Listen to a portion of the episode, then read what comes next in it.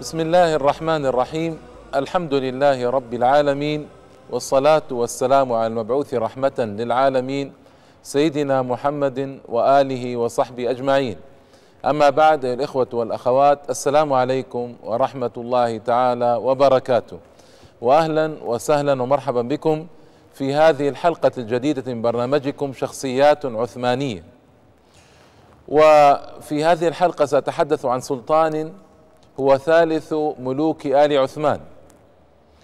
وله سمعة جليلة عظيمة وهو السلطان مراد ابن أورخان ابن السلطان أورخان ابن الأمير عثمان ابن أرطغرل. سلطان مراد هو من أعظم سلاطين آل عثمان في الحقيقة لكنه لم يوفى حقه. آه، الأجيال لا تكاد تعرفه. ما تسمع بمراد هذا؟ ومراد في الحقيقة هو المؤسس الأول الحقيقي للدولة العثمانية. لأن سبق أن قلت أن آه، آه، أرطغرل كان رئيس قبيلة.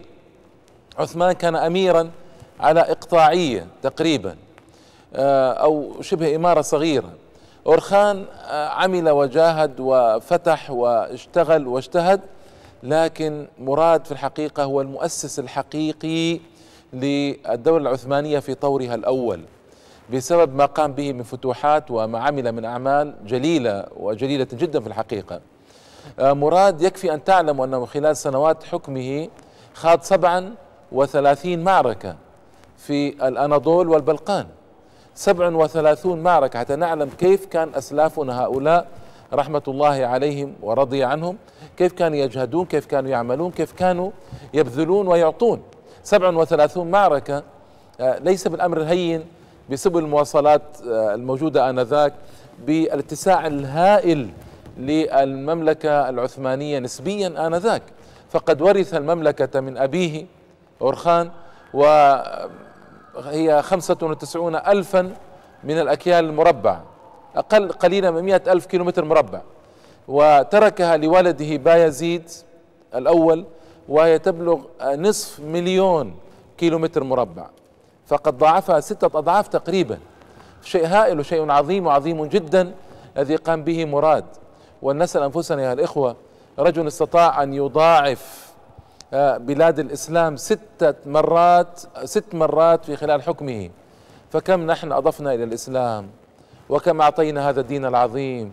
وكم ضحينا وكم بذلنا وكم جهدنا في سبيل هذا الدين؟ أم كنا نحن سبب في نقص هذا الدين؟ وفي انتقاص الأعداء أرضه وعرضه وأهله. هذه نقطة مهمة جدا. عندما نقرأ عن أمراء وسلاطين آل عثمان لا نقرأ كما نقرأ كتب الأدب أو الجرائد أو لا إنما نقرأ قراءة فاحصة قراءة فاحصة. نقرأ قراءة واعية. نقرأ قراءة المتلمس. نقرأ قراءة المطبق. نقرأ قراءة المقتدي والمؤتسي. هؤلاء أجدادنا أولئك آبائي فجئني بمثلهم. إذا جمعتنا يا جرير المجامع. الرجل آه، سار على خطة أبيه وجده في الأناضول في البداية. الأناضول كان في بقايا أيضا من الإمارات. لابد أن نعرف أن الأناضول مساحة هائلة ضخمة. آه، كان السلطان علاء الدين سلطان قونيا قد أقطع أرطغرل. أقطعه قطعة أرض صغيرة جدا في الأناضول. فتوسع أرطغرل ثم على طبعا في بلاد النصارى البيزنطيين توسع أرطغرل ثم توسع عثمان من بعده ثم توسع أورخان لكن الأناضول ضخم ومساحة كبيرة. فبقيت عشائر سلجوقية وإمارات سلجوقية وتركمانية قليلة متناثرة هنا وهناك. هذا أمر أيضا معلوم. فهو ابتدأ طبعا آه، هناك في أنقرة كانت إمارة القرمانيين. فأعلنوا العصيان فضم أنقرة عاصمة القرمانيين إليه. وكان من سياسته التسامح. ما كان يقتل الأمراء ولا إنما كان يبقيهم استبقاء للمودة واستبقاء للحبل الذي بينه وبينهم حتى لا ينقطع. فكان يوليهم بعض المناطق الأخرى. ربما هذه السياسة يحكم عليها بالنجاح أو عدم النجاح. نظرا لبعض هؤلاء أن بعض هؤلاء بعد ذلك تحالف مع أعداء آه، آل عثمان. لكن هكذا رأوا في البداية أنهم يستبقون بعض الأمراء ولا يقتلونهم أو على الأقل لا يأسرونهم لا إنما يعطونهم بعض البلاد الأخرى من أجل أن يكسبوا مودتهم وبالنسبة للكافرين يطمع في إسلامهم. وهذا حدث حدث أكثر من مرة في الحقيقة. السلطان مراد توجه إلى البلقان وبقوة.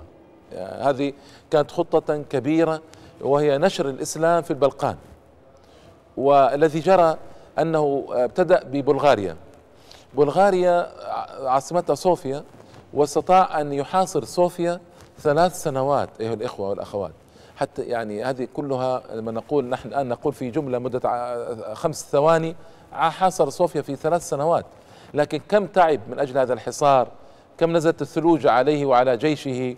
كم اجتهد من أجل أن يبذل آه، كل طاقته وقوته في هذا الحصار؟ لكن الله سبحانه وتعالى كافأه في الدنيا بفتح صوفيا وإن شاء الله يكافئه في الآخرة بجنات النعيم. فالسلطان مراد إذن اجتهد اجتهادا كبيرا جدا في البلقان ابتدأوا بفتح صوفيا. وأيضا أرسل من يفتح سلانيك المدينة المشهورة سلانيك هذه مدينة مشهورة أيضا آه، أرسل من يفتتح سلانيك واجتهد بعد ذلك في فتح البلدات والمدن في البلقان واحدة بعد أخرى. آه، هنا بدأ ملوك أوروبا بالذات أوروبا ملوك أوروبا الشرقيين ابتدأوا ينظرون إلى مراد على أنه خطر وعلى أنه متمدد وعلى أنه منتشر وهم بحاجة إلى آه، تجميع القوة ضده على أي وسيلة كانت. هنا حاول ملك المجر وملك الصرب وبعض الملك الألبان وبعض بعض ملوك أوروبا آنذاك ملك البوسنة الهرزك ما كانوا بعد قد دخلوا في الإسلام حاولوا فعلا أن يواجهوا السلطان مراد. كان هناك مربي للسلطان مراد اسمه للا شاهين. للا شاهين للا في اللغة العثمانية مثل مربي أو شيء.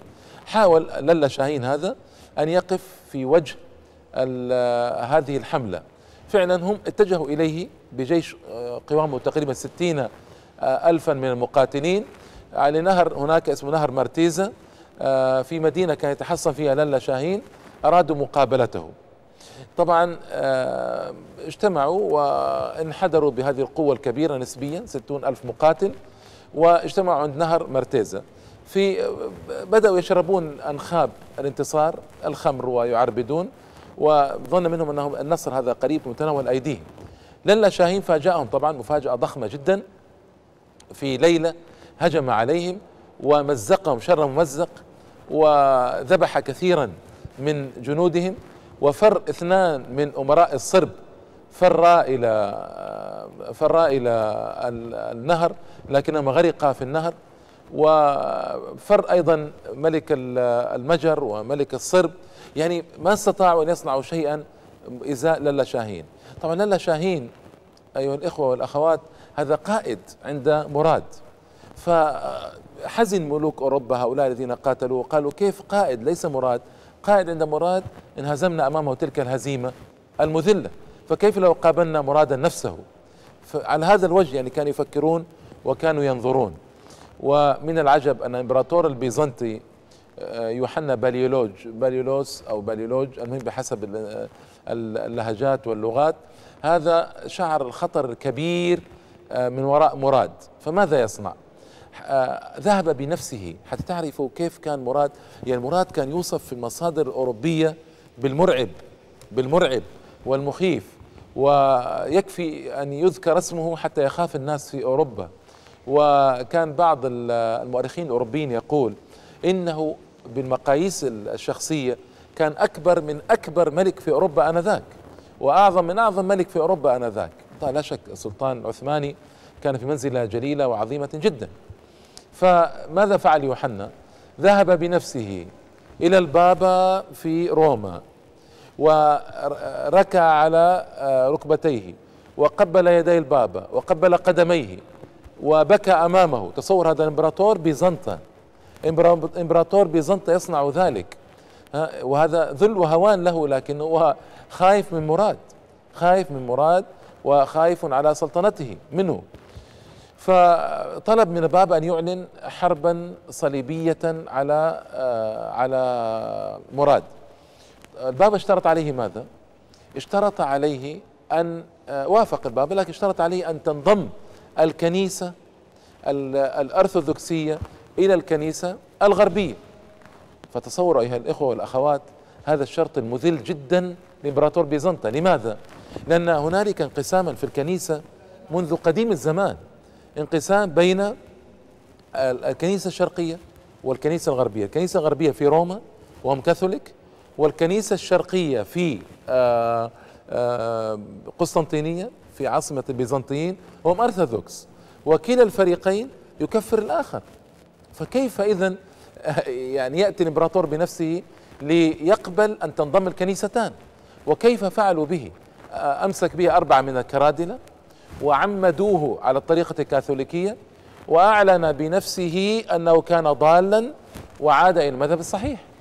كل ذلك مقابل أن يكفوا عنه شر مراد. حتى نتصور كيف كان مراد آنذاك كيف كان مخيفا وكيف كان صعب اللقاء بمراد آنذاك. طبعا الباب أعلن الحرب الصليبية المقدسة ضد مراد وكما قلت لكم آه، قبل قليل آه، اجتمع بعض ملوك أوروبا وأرادوا مقابلة للا شاهين هذا. آه، استعجل ما اكتمل جمعهم وهذا من رحمة الله تعالى بمراد ما اكتمل جمعهم حتى يتوجهوا جميعا إلى مراد. إنما استعجلوا استعجل بعضهم وكان بعضهم هذا قلت لكم لبلغ ستين ألف من المقاتلين ليواجهوا قائده للا شاهين. الذي مزقهم كما قلت لكم كلهم ممزق وهرب آه، بعض الملوك والأمراء وغرق وقتل بعض الملوك والأمراء ومزق ذلك الجيش شر ممزق. فما نفع يوحنا هذا باليولوج ما نفعه تذلله وتضرعه بين يدي البابا وانضمام الكنيسة هذه إلى كنيسة تلك هذا النحو يعني. لكن وهذا من رحمة الله تعالى بهذا السلطان العظيم. السلطان مراد كان يملك من الصفات والخصائص الشخصية الشيء الكثير. وهذا طبعا يعني هذا كان السمة العامة لسلاطين آل عثمان الأولين. إلى نستطيع نقول إلى سليمان القانوني في القرن العاشر الهجري يعني القرن السادس عشر الميلادي كانت لهم صفات رائعة وسمات شخصية رائعة. هناك كلام مهم بقي عن مراد ومعركته في مع الصرب في كوزوفو. سأرجئه أرجئه إن شاء الله تعالى إلى الحلقة القادمة فقد أشار المخرج بانتهاء الوقت. فإلى اللقاء الإخوة والأخوات والسلام عليكم ورحمة الله وبركاته.